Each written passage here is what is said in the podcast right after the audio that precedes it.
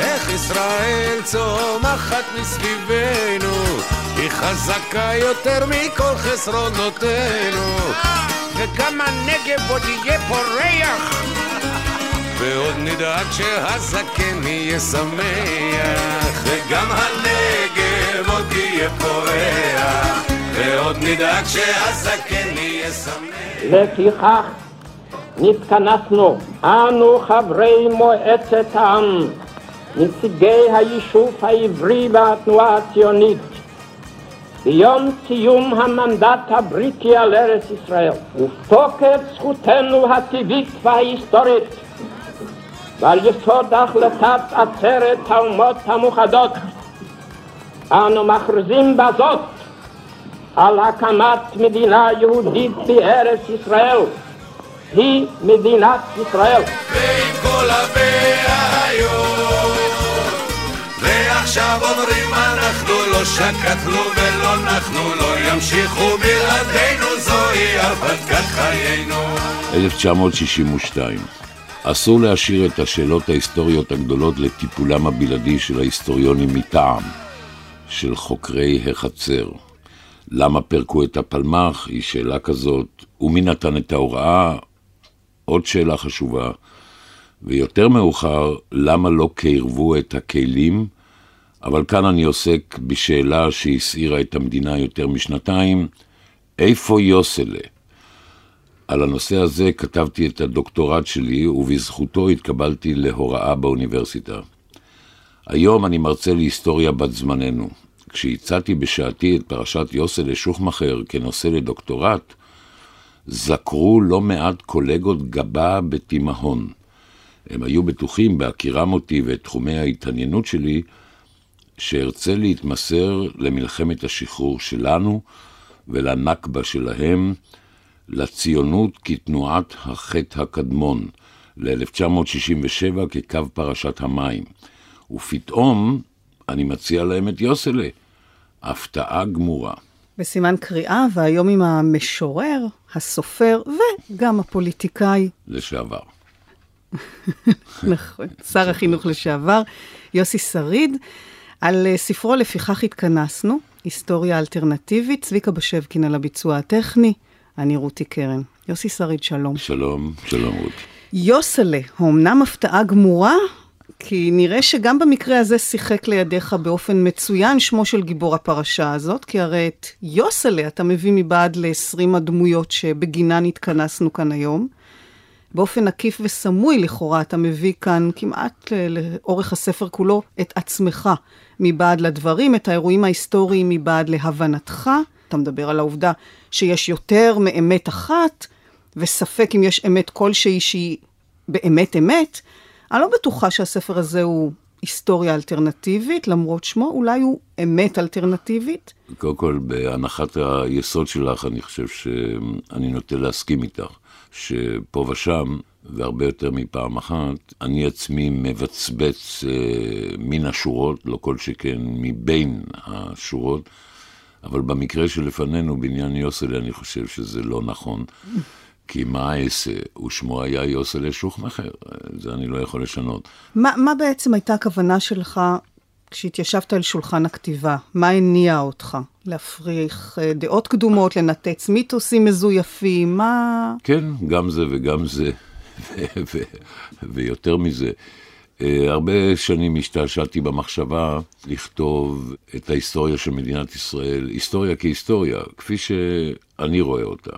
חשבתי אפילו שזו יכולה להיות הגרסה הישראלית למצעד האיוולת של אה, ברברה טוכמן. אני מסכים שמול האמת הרווחת, המקובלת, המקובעת, אולי רציתי להציג לא את האמת האלטרנטיבית, אלא אפשרות לאמת אה, אלטרנטיבית. אמת שכל יתרונה הוא בכך שחוזרים עליה הרבה מאוד פעמים. ורק משום שחוזרים עליה כל כך הרבה פעמים, היא לפעמים נראית ונשמעת כמו אמת, אבל לגמרי לא בטוח שהיא כזאת. אז מכאן כך נראה, אתה לא מותיר אבן על אבן, ולאורך 20 שנותיה הראשונות של המדינה, יש הרושם... באמת? עד כדי כך? אבן על אבן? כך נראה לי. אה, באמת?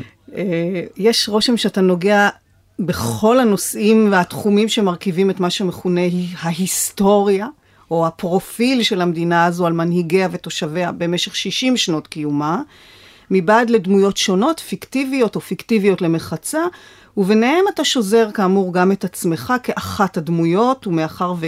כצפוי, הנושאים טעונים, הדברים חדים כתער, והעולה מן הכתוב אינו עושה חסד, למרות שהוא עטוף בהומור עשוי כהלכה, וזה מה שאני מניחה הוביל אותך בפתח הדברים לכתיבת מעין כתב קטרוג שלך כנגד עצמך. דברים כגון... אה, צעקתו האחרונה לתשומת לב. uh, המחבר כבר מזמן אינו ילד, אם כי עדיין מתנהג כילד פלא שפלאון נמוג זה מכבר. באמצעותם הוא מבקש להכשיר את פחדנותו שלו ולשוות לאופי של פוליטיקה ריאלית. זה בעצם אמצעי אה, יעיל כנגד כל מי שיבקש אה, לסתור, להתנגד, ללגלג. אתה בעצם מנטרל את המתנגדים והמבקרים מכלי נשקם עוד לפני שירית כדור אחד. גם בזה יש משהו. רותי, מה, מה, מה אומר ומה אדבר, אבל אני חושב שיש בזה מעט יותר. בכלל, למה לי לחפש את הקטגוריים?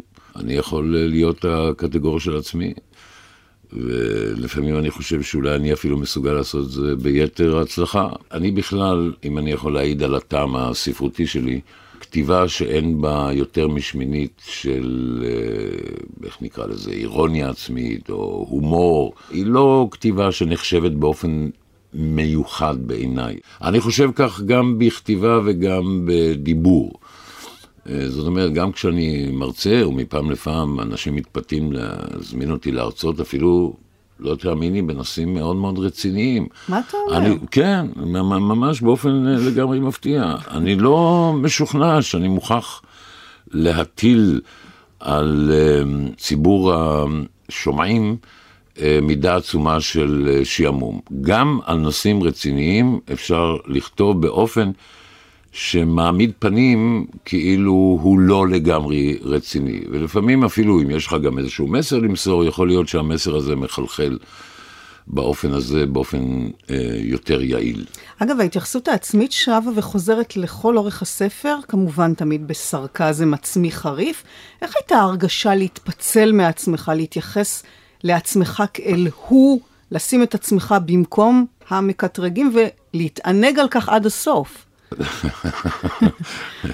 קודם כל הייתה לי בעיה מתודולוגית בספר הזה, אני אה, אה, מספר לך, שהרי הספר מחולק על פי שנים, מ-48 ואילך עד 1967, שהיא השנה המכרעת בעיניי. ולמרות שהדמיון הוא לגמרי משולח, ואפשר לומר אפילו במקרים מסוימים אה, פראי, בכל זאת הייתי צריך להישאר נאמן פחות או יותר למה שקרה או למה שלא קרה. ולפעמים, מעשה שטן, אה, הגעתי לשנה, ולא ידעתי בדיוק איך לטפל בה. ואז, אה, כדי לסתום את החלל הריק, אז אה, אני מועמד מופתי לחללים, לחללים ריקים. אז סתמתי. אבל הרי כאילו, אם אני לא נהנה מן הכתיבה, כתיבה זה בכלל דבר מאוד...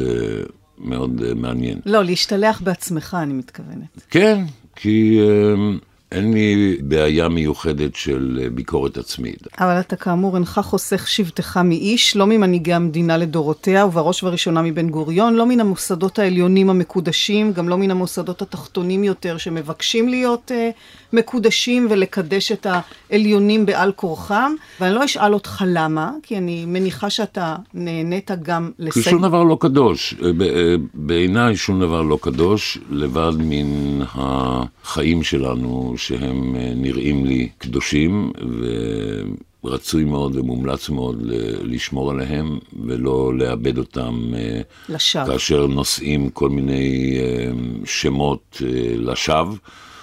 אפילו את שם הביטחון. לכן כששום דבר הוא לא באמת קדוש, בוודאי לא הדברים שנראים לאנשים רבים אחרים כקדושים. אז אין מה לעשות, לפעמים הספר נראה כמו בית מטבחיים. אדם ניתז לכל עבר, אבל אני חושב שצריך להתייחס אל כל זה כאל אה, נאמנים פצעי אוהב. לו הייתי אדיש לכל הדברים שקרו כאן וקורים כאן, אז לא הייתי כותב את הספר הזה, ואולי גם לא הייתי אני בהרבה מובנים אחרים. וברוח הדברים שפותחים את הספר, אני מניחה שגם נהנית לסיים אותו באופן הזה, והביוגרף כביכול של בן גוריון שחותם את הספר, פונה אליך ואומר, אתה יודע מה, אני בטוחה ש... אני לא היחידה שמשתוקקת לשמוע אותך. אה, יוסי שריד אומר בקולו את הדברים. אני פתחתי את הקריירה המפופקת שלי בכלל, אה, בין השאר כקריין בקול ישראל. ולסיום דבריי אלו, אפנה למחבר החיבור הזה למצפונו בפנייה נרגשת. אולי הדברים שיוצאים מלב מורתח ייכנסו אל ליבו. על מה ולמה אתה מתנפל בספר המשונה הזה שלך, על בן גוריון ודווקא עליו. שמאלן כמוך היה צריך להעריך תרומתו הכפולה של ראש הממשלה הראשון, קודם להקמת המדינה ואחר כך להצלתה. האם אתה, אומן דהוא מחבריך, הכרעתם הקרב בין מדינת ישראל לארץ ישראל, קרב לחיים או למוות, או שבן גוריון הכריעו בעוצם ידו? אך זו דרכם של שמאלנים מסוימים להיות כפויי טובה ותודה, להיות נגד, תמיד נגד, ולעולם לא בעד. מה שאני שואלת, מדוע בחרת לחתום את הספר במשפט הזה? כדי לערער את כל מה שנכתב עד כה, שוב הלגלוג העצמי שאמור לשמש הגנה, אולי זו אמירה של הפוך על הפוך, או ששוב זה מן המקום של, אוקיי, סיימתם לקרוא, מן הסתם אני יודע מה תגידו, אז הנה אני אומר את זה במקומכם ואפילו יותר טוב. אמרנו קודם, נאמנים פצעי אוהב.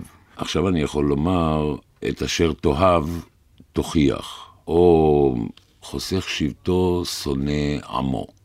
אני אה, קצת מסתכן באמירה סנטימנטלית מדי, אבל אה, אני חושב שאי אפשר לכתוב את הספר הזה, שלכאורה מלעיג על הכל ושם את הכל לקריקטורה, מבלי איזושהי אהבה פנימית ודאגה עצומה למה שעומד לקרות, כי הרי הספר הוא לכאורה ספר היסטוריה.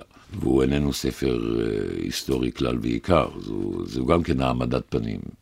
זה כן, עוד, ואת... איזה, עוד איזה תעלול. אתה, כן. בעצם, אתה בעצם כביכול סוקר 20 שנה ראשונות של המדינה, אבל... אבל בעצם יש כאן התייחסות לכל 60 המדינה, וזה ב, ברפלקטים של אחורה וקדימה, לא רק, אחד לא על השני. לא רק של 60 שנות המדינה, אני חושב שאני עוסק ב-20 השנים הראשונות, ובעצם אין כאן כמעט משפט שאיננו רלוונטי לזמן הזה, היום. לימים האלה, ועוד יותר מזה, למה שעלול להיות. זאת אומרת, העיניים נשואות גם קדימה, אפשר לומר עיניים קלות, אה, והגעגועים שלי אינם לעבר כלל ועיקר, אלא הגעגועים שלי דווקא לעתיד, ונדמה לי שמשפט דומה שמתי בפיה של המורה באחד הפרקים, והמורה הזאת עכשיו מותר לגלות, במסגרת פינתנו עכשיו מותר לגלות, היא, אמ, נדמה לי שגם אני מעיד עליה בספר, אבל היא באמת אחותי. ועכשיו אני בטוחה שהמאזינים כבר באמת סקרנים לשמוע. אז מה יש בספר הזה? אז כאמור, מבעד אה,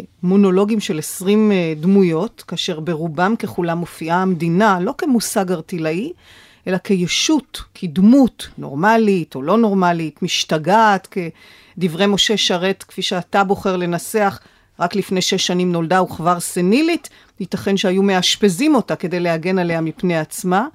ובהמשך, כמו שמתאר המושל הצבאי, אחת הדמויות המספרות, שכשהוא עובר אה, סמוך למגדל שלום, הוא מהרהר לעצמו שאולי יום אחד המדינה הזאת תקפוץ מן המגדל ותתאבד, וזה מה שיקרה אם לא יבוא שינוי ומיד.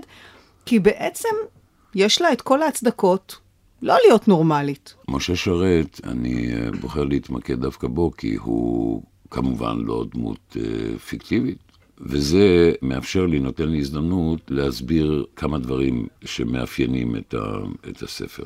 הוא בוודאי לא התנסח כפי שהוא מנוסח כך, אלה דברים שאני שמתי בפיו. אבל אלה לא דברים מופרכים.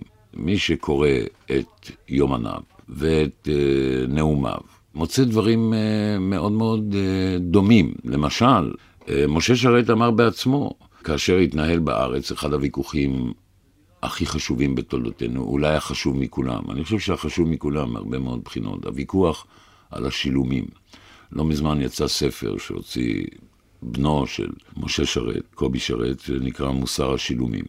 ושם, משם בעצם לקחתי את המשפט הזה שמשה שרת אמר לעמיתיו באחת מישיבות הממשלה, במין אירוניה כזו אה, אופיינית אה, לאיש. אה, אל תשכחו שאנחנו בכל זאת מדינה, ולפעמים אנחנו באמת שוכחים שאנחנו מדינה. הרבה דברים יכולים להיעשות. מכל מקום, יש תשוקה בלתי נכבשת לעשות אותם, אבל צריך לזכור שאנחנו מדינה, ויש דברים שמדינה לא עושה, שאי אפשר לקבל שילומים מגרמניה. שאגב, שאלה מעניינת, אני פעם שאלתי את עצמי, איפה אני הייתי עומד בוויכוח הזה? ואני לא בטוח שאני יכול לומר. אז uh, כחוכמה לאחר מעשה, הייתי יכול לומר לעצמי, אולי, uh, כן, הייתי ודאי מצטרף לעמדתו של שרת, שאני רואה בו בהרבה מובנים uh, אב רוחני שלי, כן? אבל אני לגמרי לא בטוח, כי מתאים לי דווקא להיות אה, אולי נגד. אנחנו תמיד הרי נגד, את יודעת. ודאי. אז זהו, אתה אומר אה, שאסור לנו לשכוח שזו מדינה, אבל כאמור, זו מדינה קצת יוצאת דופן וקצת אולי לא בדיוק נורמלית. פעם ראיינתי את שרת לאחד מספריי, באתי אליו בלי דעות קדומות, בי נשבעתי, ושאלתי אותו מה החזון שלו, איך הוא רוצה לראות המדינה בעוד 20 או 50 שנה. והוא השיב לי שהוא רוצה לראות כאן מדינה ככל המדינות המתוקנות, מדינה נורמלית, הגדיר, ואני לא האמנתי למשמע אוזניי. איך יכולה מדינת ישראל להיות מדינה נורמלית, אם נסיבות לידתה אינן נורמליות, ואם עצם קיומה באזור הזה לא נורמלי? ומה בצע בלהיות נורמלית? עוד מדינה אחת מיני מדינות הרבה, בלי ייחוד משלה, בלי המותר היהודי מההתבהמות הגויית הכללית. ולמה שתהיה אבן שואבת למיליונים של יהודים ממאה גלויות ויותר, אם היא כל כך נורמלית? אמנם אין כאן המלצה להיות לא נורמלי, אני לא ממליץ להשתגע, אבל אני כן ממליץ להתבדל, להתייחד ולא לשקר לנצח ישראל. ארצנו הקטנטונת, ארצנו הקטנטונת, אמי שלי שלי קטנה, את בנך את כואבת, אחרי אלפיים שנות גלות, אליי חזרתי, אליי חזרתי. את היחידה שלי. ארצנו הקטנטונת, ארצנו הקטנטונת, לנצח אלסטי, חיים, חיים, לעד ארצנו.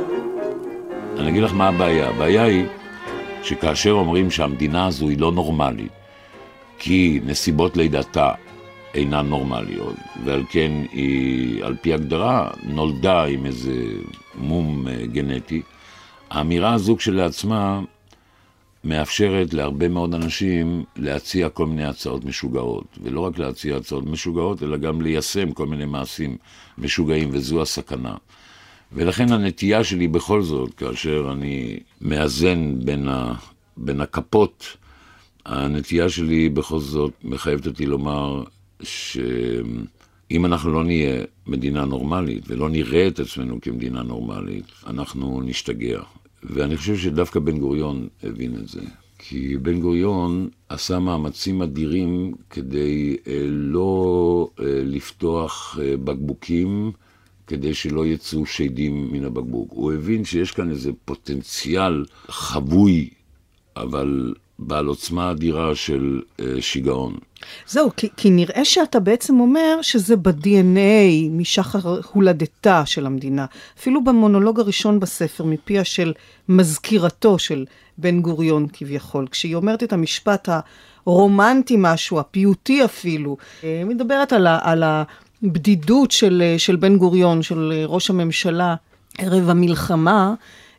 48. אה, כן, והיא מתארת איך שהוא ישב לבדו בחדר, והתהלך, וקם וישב, ואני מספרת על עצמה, ישבתי לבדי בחדר הסמוך, וחשבתי שאף פעם לא שמעתי את בן גוריון בוכה, אה, והיה כל כך שקט באותו ערב. אני יודעת שזה נשמע כמו השתפכות של אישה זקנה, ואולי לא תאמין, אבל שמעתי צעדים בשביל ואחר כך במדרגות, ומישהו פעם אמר לי בצחוק, שבטח שמעתי אז את המדינה בדרך. והוא גם שאל אותי אם כבר אז היא נשמעה לי קצת אה, צולעת. אה, תראה, יש לאנשים כאן הרבה סיבות להשתגע. אני, אני לא כופר בסיבות האלה. השאלה רק מה אנחנו צריכים לעשות עם הסיבות. האם לא, אנחנו כי צריכים... אתה אומר שבעצם זה היה נתון, אה, זה נתון בסיסי בוודאי, שהיה קיים זה, בוודאי זה, מלכתחילה. אני אגיד לך למה זה נתון בסיסי. אני חושב שעם שעבר מה שהוא עבר רק שלוש שנים קודם, זאת אומרת, עבר את השואה, הוא על פי הגדרה ב-DNA שלו, הוא עם עם אה, פוטנציאל אה, קרוב וודאי של, אה, של להשתגע. אבל יש לנו גם החובה לרסן את השיגעון הזה, כי להשתגע זו לא פרוגרמה. ואני חוזר ומזכיר את מה ששרת הזכיר לשרים. צריך לזכור שאנחנו מדינה. זה מעניין, כי אחד הדברים שאנחנו נוטים לעשות, זו צביעת העבר בגווני נוסטלגיה ורודים. משולבים. ברומנטיזציה, שפעם הכל היה טוב. פעם הכל היה שפעם היה מוסר, שפעם הייתה צניעות, היה כבוד. אולי הרגע היחיד בספר שלך, יוסי, שיש פה את המהות ההיא, את הגעגוע לפעם הזה, זה 29 בנובמבר 47. הייתי בן שבע, מיותר לומר שזה היה רגע דרמטי. היינו כחולמים אחר הצהריים, אתה מתאר, בתיאור סצנה שמזכירה קצת את התמונה המפורסמת מתוך נס במילאנו. לא חשבתי על זה, זה יפה, כן? וזו הייתה האסוצ- האסוציאציה שלי, כולם ככה מסביב לרדיו היחיד בשכונה. נכון, נכון. חשבתי, אה, כן. וכולם הלכו לרקוד ולשמוח עם כולם, ככה אתה מספר, ואתה נשארת בבית, נכון. וזו הייתה הרגשה שלי עד היום, של מי שנשאר בחוץ, בעיקר בעיתות שמחה.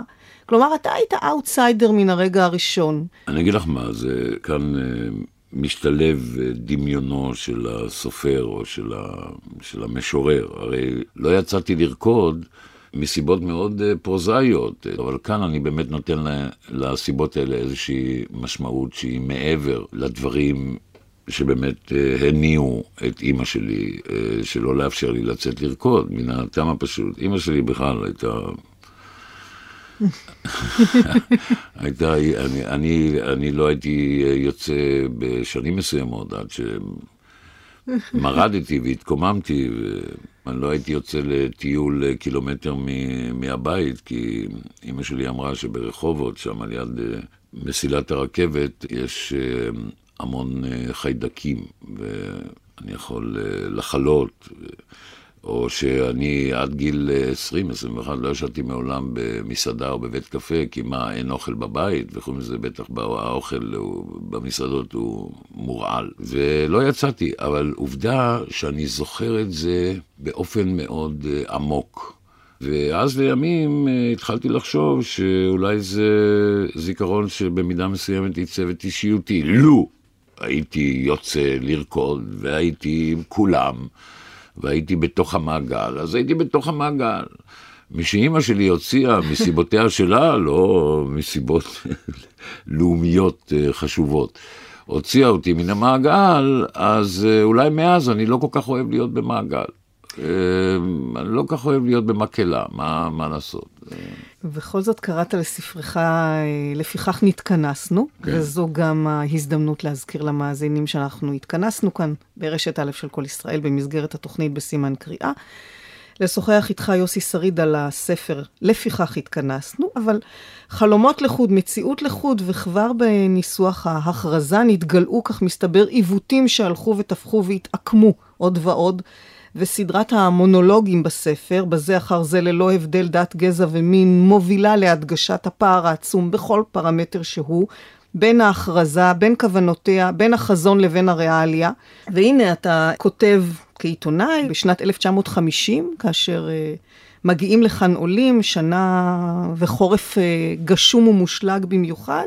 הכינו לעולים קבלת פנים כאילו להוכיח להם שבארץ חמדת אבות מתגשם גשם לפני שמתגשמות התקוות, והארץ זבת מים יותר משהיא זבת חלב, ולא מלקקים כאן דבש, וכדי להסתדר בחיים חייבים ללקק דברים אחרים, וכל אחד מבין למה אני מתכוון.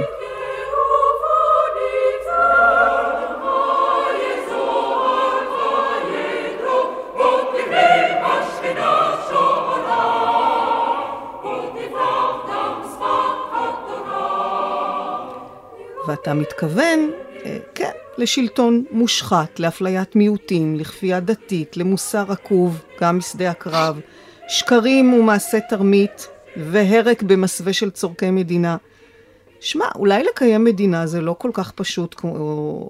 כן, כמי, זה- ש... כמי שהיה חבר בממשלה, אתה הרי יודע, יש את הקלקולים האלה, אבל אולי זה בלתי נמנע, כי... כן, קודם כל זה בלתי נמנע.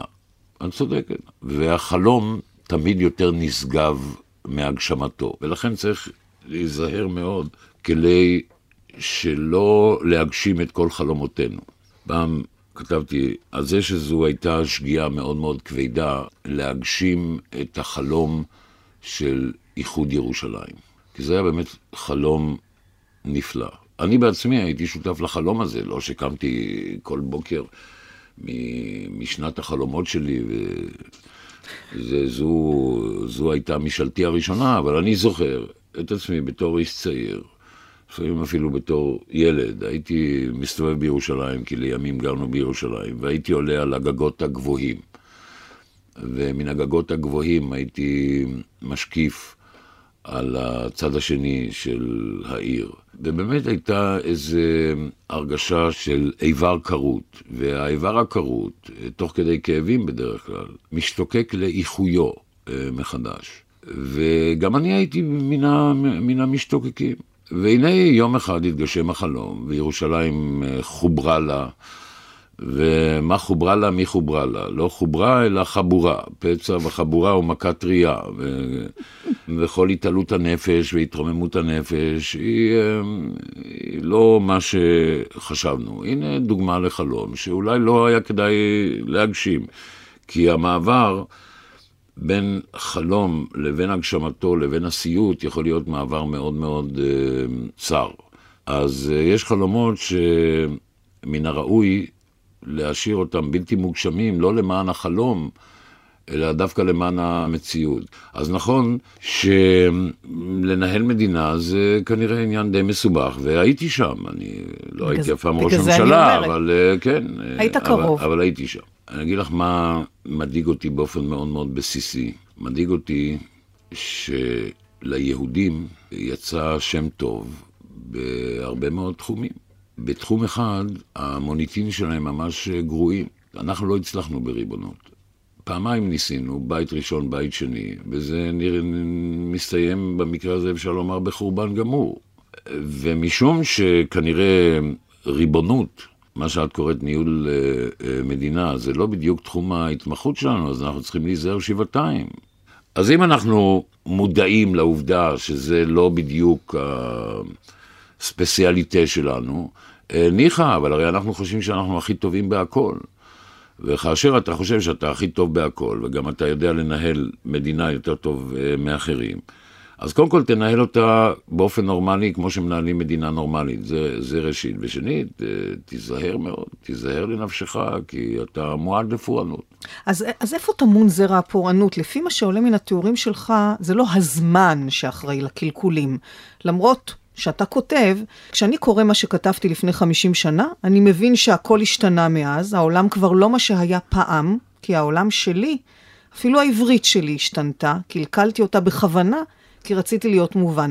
אבל זה לא נכון באמת, כי אתה מתאר קלקולים שהיו גם פעם, ולהפך, דברים לא השתנו, בוודאי לא לטובה, ואתה יודע מה, גם העברית שלך, ואתה מרבה לדבר על השפה בספר הזה, לדבר על העברית, גם היא עדיין מצוחצחת, חדה ובוהקת. עניין השפה הוא, קודם כל אצלי זו איננה בחירה, אלא גורל. זאת אומרת, זה מה שקורה לאדם כאשר הוא ילד והוא גדל בבית של אה, מורה לעברית. ואצלנו בבית מאוד אה, הקפידו. אה, הרבה פעמים אה, אני חוזר לאשתי, טוב, מה לעשות, איתה אני מדבר יותר מאשר עם אנשים אחרים. אז הרבה פעמים היא אמרה לי, תוריד, תוריד. כי היא לא הייתה בטוחה שאני לגמרי מובן במקרים אחדים. אני לא בטוח שאני מסכים איתה, אני חושב שאני אפילו חולק עליה. אני חושב שהבעיה שלי בחיים הציבוריים שלי הייתה אה, לא שלא הבינו אותי, אלא שהבינו אותי יותר על המידה. זאת אומרת, הבינו בדיוק למה אני מתכוון, וזו הייתה הבעיה. באמירה הזו, שאומרים רבים, הוא מדבר יותר מדי יפה מה זאת אומרת מדבר יותר מדי יפה? מה, מה זה היותר מדי הזה? אבל מסתתר מאחורי זה הרבה יותר. זאת אומרת, אם תדבר לא יפה, זה עממי. זה עממי. דבר, דבר בלשון העם. ואני רואה באמירות מן הסוג הזה, בניגוד למקובל, אני רואה בזה מידה עצומה של התנשאות. אני גורס, דבר כפי שאתה מדבר. ובעיקר, מה שהכי חשוב זה דבר לכולם בדיוק באותו אופן. אז זהו, אז מה שאני אומרת בעצם, זה שאתה לא שינית את העברית שלך אה, מאז, וזה כאמור קושר אותי לכל נושא הפעם הנפלא הזה שלא באמת היה קיים. שוב, אם נחזור למזכירה של בן גוריון, שמספרת שהוא שמח עליה בעיניים עצומות, אבל העיניים שלו לא היו אף פעם עצומות. לפעמים היה נדמה לי שגם כשהוא ישן הוא היה קצת ער, אתה אומר מפיה, בכלל לא היה דומה לאלה של היום, שכדאי להם לישון לפעמים כדי שיוכלו להתעורר סוף סוף. שזה למשל משפט שאי אפשר שלא לתהות אה, מי מדבר, אתה או הדמות, או מה באמת השתנה, או שאולי אנחנו יכולים לראות את הפעם ולהיווכח שהוא לא כל כך פעם, אלא שהוא לא רחוק מן העכשיו. נכון. עכשיו כשאת קוראת ואני מקשיב, אז uh, אני uh, פתאום uh, נזכר מאיפה בעצם uh, הדברים האלה באים. מספרים על הר"ן, שגם הוא אחד מגיבורי הספר, זלמן הר"ן, שהיה שר החינוך. הוא פעם אמר שהוא מוכן ללכת אחרי בן גוריון בעיניים עצומות, אבל הוא מוכרח להיות בטוח מפעם לפעם, ולכן הוא עצמו פוקח את עיניו כדי לראות שעיניו של בן גוריון אינן עצומות. לו היה יודע שעיניו של בן גוריון תמיד פקוחות, היה הולך אחריו בעיניים עצומות, ומכיוון שהוא לא כל כך בטוח, אז הוא מפעם לפעם פוקח את עיניו שלו כדי לראות אם עיניו של בן גוריון פקוחות. במובן הזה, אני גם תלמיד של uh, זלמן ארן. זאת אומרת, לא שאני אוהב במיוחד ללכת בעיניים עצומות, אני... ממש לא. אבל ניחא, לעתים הייתי מוכן לעצום עיניים, ובלבד שהייתי בטוח שההולך ראשונה, ותמיד יש הולך ראשונה, הולך ראשונה עיניו פקוחות. בכל אופן, הדמויות בספר הזה, שמרביתם אזרחים כאלו ואחרים, מתייחסות במישרים או בעקיפין לדמויות פוליטיות מרכזיות, בראש ובראשונה לבן גוריון. שרת, אה, גם הוא אמרנו, אחד אה, מן הדמויות אה, הדוברות, גם את אשכול, גולדה, חיבה מיוחדת לראשי ממשלה יש כאן. Mm. וכמובן דיין שלא בא, אתה מדבר על הימים לפני פרוץ מלחמת ששת הימים, הוא רק צלצל, אתה כותב, כי דיין היה באותם ימים משיח, ומשיח כידוע לא בא. הוא לא היה יהושע בן נון, אלא יותר שאול באופיו המסוכסך, אבל לא בצניעותו. כי uh, אתה כותב, אנחנו כבני אדם, ואם ראשונים כבני אדם, אנחנו כחמורים, והמחבר מבקש לשכנע אותנו שלא נותרו בארץ הזאת אלא חמורים, וכל מי שיצא לחפש מלוכה ימצא אתונות, ורק נערה עולה מכל עבר השמיימה. ארץ הצבי הפכה לארץ החמור.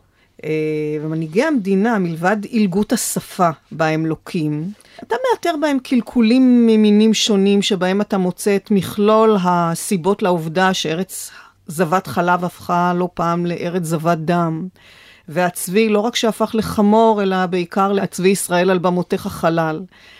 כי שלא כשאול, כבר אין יוצאים לחפש אתונות ומוצאים מלוכה.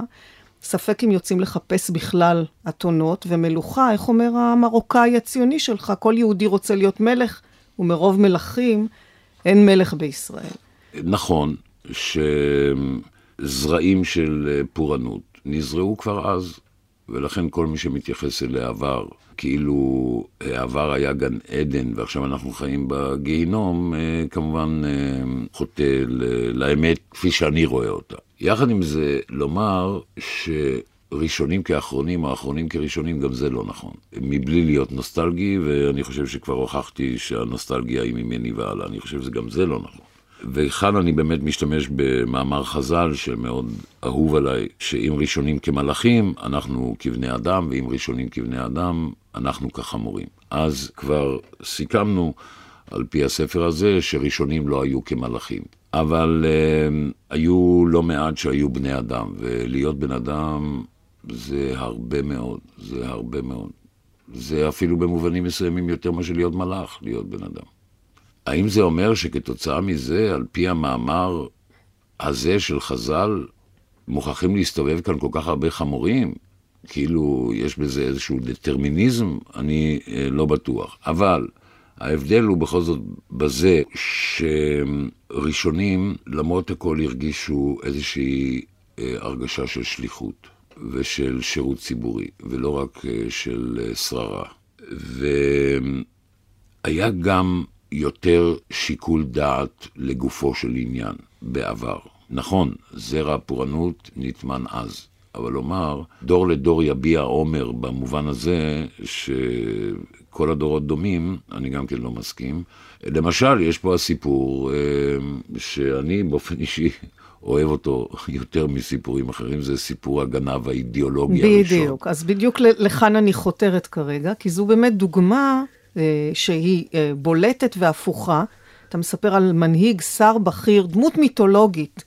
אתה אומר קודם שקשה להיות יותר אה, בן אדם ממלאך, סיפור הגנב האידיאולוגי מפריך לפחות לגבי שר האוצר ההוא, פנחס ספיר, את הסטיגמה הזאת. אמרו עליו שהוא בסך הכל איש הגון, מצניע לכת בחיים הפרטיים שלו, זה מה שאמרו. לפעמים, כשאיש לא היה בבית, הייתי מציץ דרך החלון, ומה שראיתי היה באמת צנוע.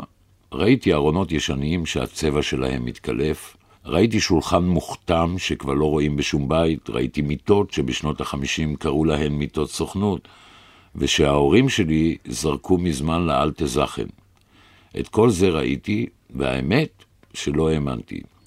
זה היה יותר מדי צנוע כדי להיות אמיתי. לא יכול להיות ששר האוצר, ממליך המלכים, חי לו בתנאים של חצי מעברה. זאת רק פוזה. בכל העולם אין שר כזה, נורא גדול ושמן, שישן שלוש-ארבע שעות בלילה ועוד במיטת סוכנות מברזל. זר, לו הציץ כמוני בחלון, היה אומר, או שהאיש הזה שגר כאן הוא לא שר, או שהמדינה הזאת היא לא מדינה. עד כאן, אבל צריך תמיד לזכור שהמונולוג הזה הוא, הוא כי מישהו עוד יכול לחשוב שזה מונולוג שלי, זה לא מונולוג שלי, זה מונולוג של הגנב האידיאולוגי הראשון, שהוא uh, דמות משעשעת למדי, אבל uh, כמו כל שעשוע, uh, במקרה שלי, uh, מישהו יכול לומר, uh, אתה יודע מה, uh, השתעשעתי אבל בכיתי. כי מה בעצם uh, זה בא לומר? זה בא לומר שהגנב הזה, שכנראה היה פעם מישהו כזה, הוא... Uh, החליט מטעמים אידיאולוגיים לפרוץ לביתו של שר האוצר דאז, אה, פנחס ספיר. ואז הוא העיד על עצמו שהפריצה הזו מבחינתו נגמרה בשברון לב, כי מה שהוא מצא אצל פנחס ספיר זה שעון ישן ואפילו שבור. וזה מיד עורר בי את המחשבה, לו גנב כזה היה פורץ היום לביתם של שרים, של ראשי ממשלות, אה, האם גם הניסיון הזה שלהם היה נגמר במפח נפש? האם אה, גם בימינו הם היו יוצאים בידיים ריקות, זאת אומרת, אה, ידיים שמחזיקות בשעון שבור? כמובן שלא. הוא יצא בבוקרו של יום קיץ מתיש, נשק לאישה, חצה את הכביש, מכונית מטופחת, נהג מיומן, שועטים לבירה, יום חדש לעסקן.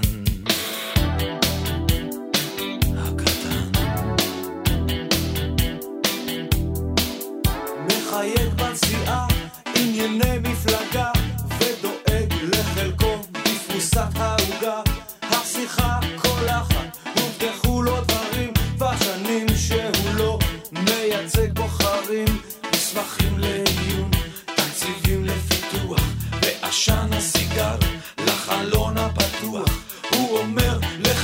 מפלגה, אה, רגע, גדליה, אולי תהיה השגריר באוסטרליה. הוא משקיף הטוב למדינה שאהב,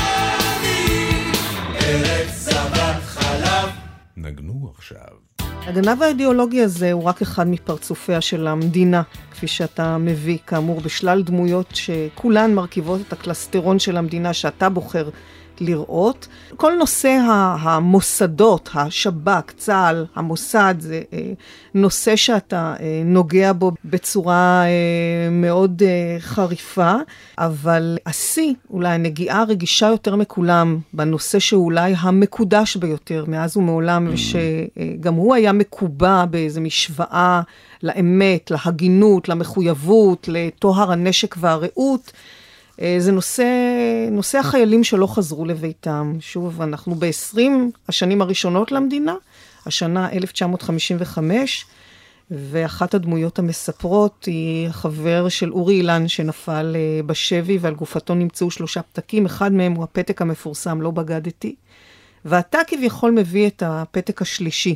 שלא היה ולא נברא כמובן. כמובן. זה, זה הכל יציר הדמיון שלי. ואתה כן. אומר שהוא פתק שצונזר. אני לא חושב שאגב היו שניים, אני לא חושב שהיו גם שניים. אבל זה, בזה אני לא בטוח. בוודאי לא היה שהיו... פתק שלישי, אני... היו כמה אני, פתקים. היו, היו כנראה שניים, ואני הוספתי את הפתק השלישי. שאתה שהוא... אומר שהוא כנראה צונזר, כי הרי בלי צנזורה אין גיבורים מושלמים כפי שהצבא רוצה לצייר אותם וללמוד עליהם אה, בסדרות החינוך. גם הפתק השלישי היה קצר מאוד. כמה אפשר לכתוב בדם? אני לא בגדתי, הוא כתב. אל תבגדו אתם. איך אפשר לשכוח מילים כאלה? האם התכוון רק לעצמו ולארבעת חבריו בכלא ובעינויים שלא יבגדו בהם, או שהוא התכוון לבגידה הרבה יותר גדולה? האם התכוון רק להווה שלו, או גם לעתיד של כולנו? האם התכוון לשאול למה לא באים להציל אותו, אותם, או שזאת הייתה בעצם הצוואה שלו? כי הוא עצמו כבר אבוד. היום אני רואה את הפתק הזה כאילו נכתב על ידי כל החיילים החטופים והשבויים שלנו, שכל הגדוילים נשבעים כל יום להציל אותם, נשבעים ושום דבר לא קורה. בסוף מחזירים את הגופות שלהם בארון. רון ארד לדוגמה, היה יכול לכתוב בדיוק אותו פתק. כן, הנה זו עוד דוגמה של אה, לכאורה דברים שקרו ב-1955, אורי אילן, אבל זה לא על 1955, בוודאי, זה על 2008. מד... כן. אתה מדבר על עניין, באמת על עניין הבגידה במובן הרחב שלה. והעמוק שלה, משום שבהמשך הפרק הזה אתה כותב, לא הייתי צריך לחכות שירצחו את אמיל גרינסווייד ואת יצחק, כדי לדעת שפסקי דין של שופטים ופסקי הלכה של רבנים הורגים. בשנה מקוללת אחת היו כל כך הרבה עקדות, וסיפור העקדה הוא סיפור זוועה. והנושא הזה, אני מניחה, אולי מטריד את שלוותך יותר מהרבה נושאים אחרים שעולים כאן, במיוחד בגלל הקשר העכשווי. נכון? יש כאן כתב האשמה חד מהן כמוהו, אל תבגדו אתם. כן, כי אה, אם אנחנו מדברים במונחים אה, אקטואליים, אז uh, ברגע זה יושבים שלושה חיילים uh, חטופים שבויים, ואנחנו אומרים שאין uh, לנו מצווה יותר חשובה מאשר מצוות uh, פדיון שבויים. אבל בפועל, uh, אחר כך מתמקחים.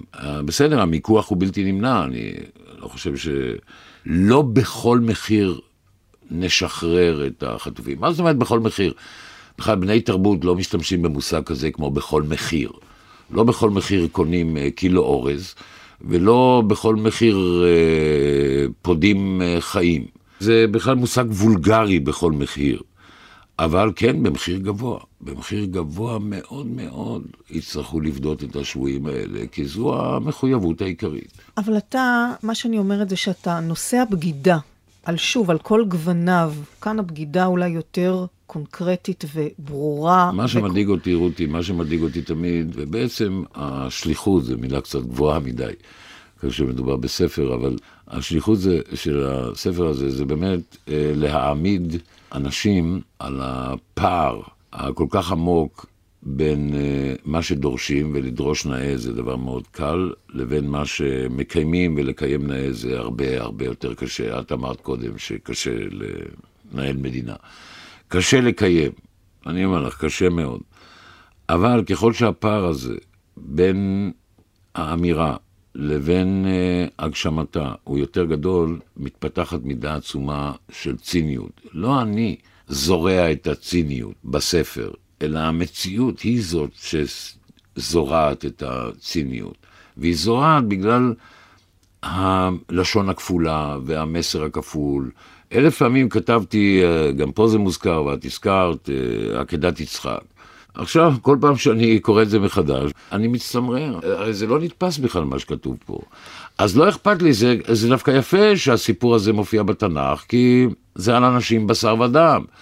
אבל מרגע שמציגים את זה כדוגמה וכמופת, וראוי שכך הורים אה, ינהגו, מה זה הדבר הזה? אם זה קרה, קרה, אבל אם מציגים את זה כדוגמה שראויה לחיקוי, מן הראוי שיבואו אנשים וידליקו את כל האורות האדומים ויצלצלו בכל פעמוני האזעקה ויזהירו מפני, ה...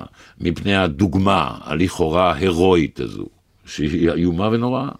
אני רוצה לסיים בעצם העובדה שאנחנו מדברים כרגע על אה, ספר, זאת אומרת, זה, לא איזה דיון שאנחנו מנהלים כשאתה אה, נכון. נושא משרה פוליטית, נכון. ואנחנו יודעים כולנו שאת דעותיך מעולם לא הסתרת. אפילו שהן היו אה, מאוד לא פופולריות, אפילו שילמת מחיר, היית נתון לאיומים ולהכפשות והמשכת לומר את אשר על לבך. אה, אבל כאן אנחנו מדברים על מעשה כתיבה ספרותי, ולקראת אה, סופו של הספר אתה בעצם אה, מספר שבצעירותך התכוונת להיות uh, משורר. נכון.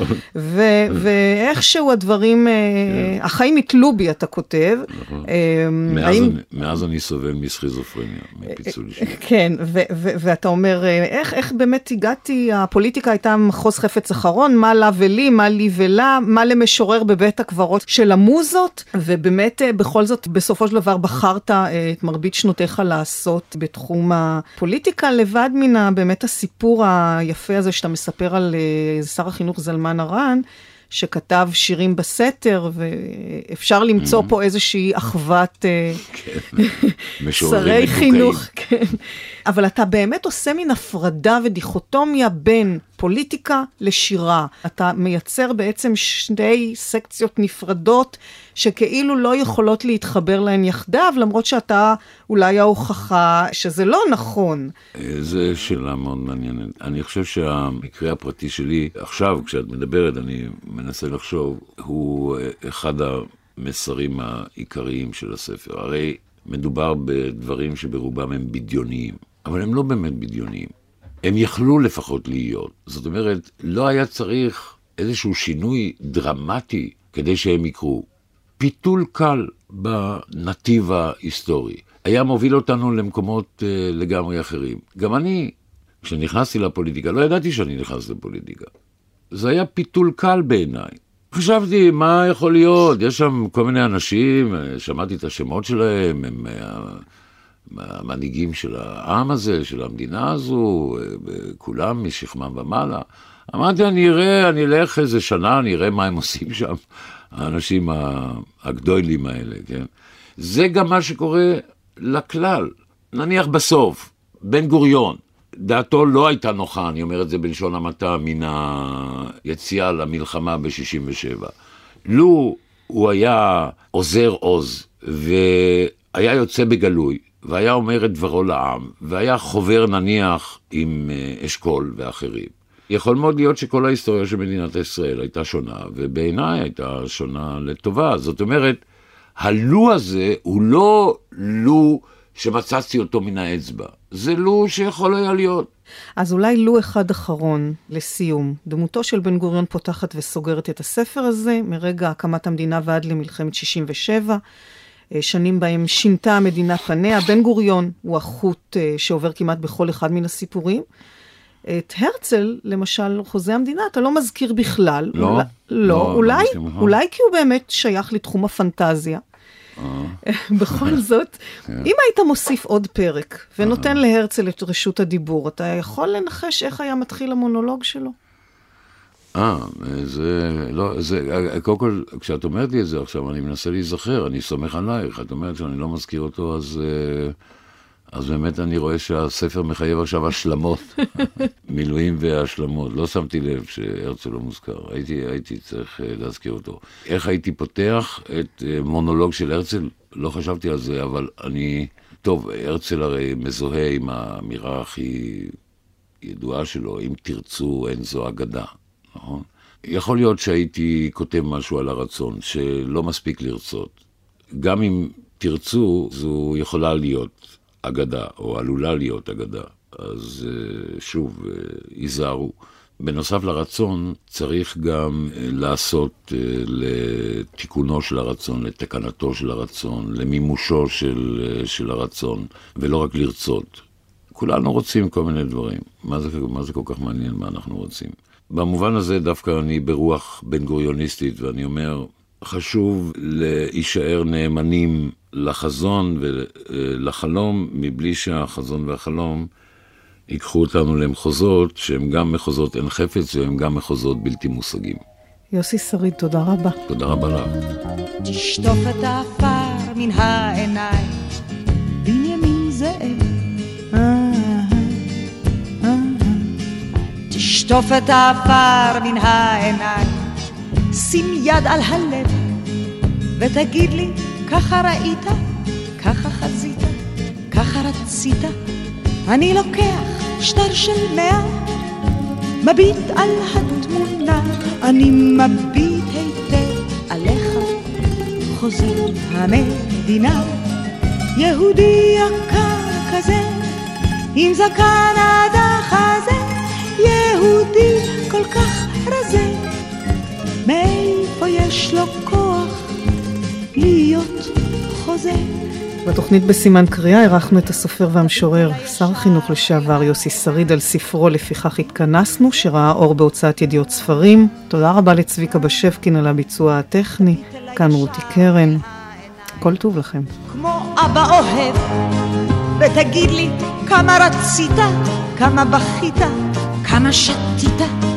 אני לוקח שטר של מאה, מביט על התמונה, אני מביט היטב עליך, חוזר המדינה, יהודי יקר כזה, עם זקן עד החזה, יהודי כל כך רזה, מאיפה הוא לוקח כוח למסע הזה? תשתה איתי כוסית אחת לחיים,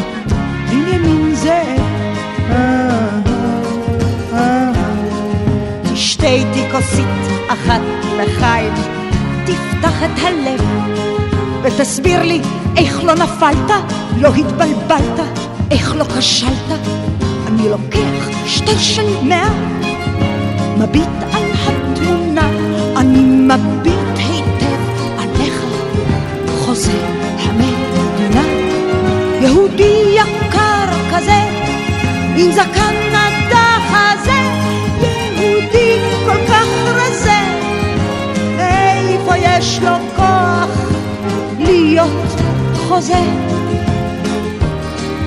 בנימין זאב, לגנב העברי הראשון כבר ניקו את השליש, ובלילה מלכה עברייה משוטטת בכביש, ושוטר עברי ראשון מבריח לכלא חשיש. רק דרך אגב, כדי שתדע, ואם תרצה, אין זו אגדה.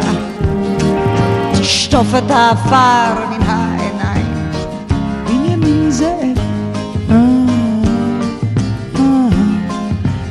תשטוף את העפר מן העיניים, שים יד על הלב, ותגיד לי, ככה ראית? ככה חזית? ככה רצית? אני לוקח שטר של מאה, מביט על התמונה, אני מביט היטב עליך, חוזר המדינה, יהודי יקר כזה, עם זקן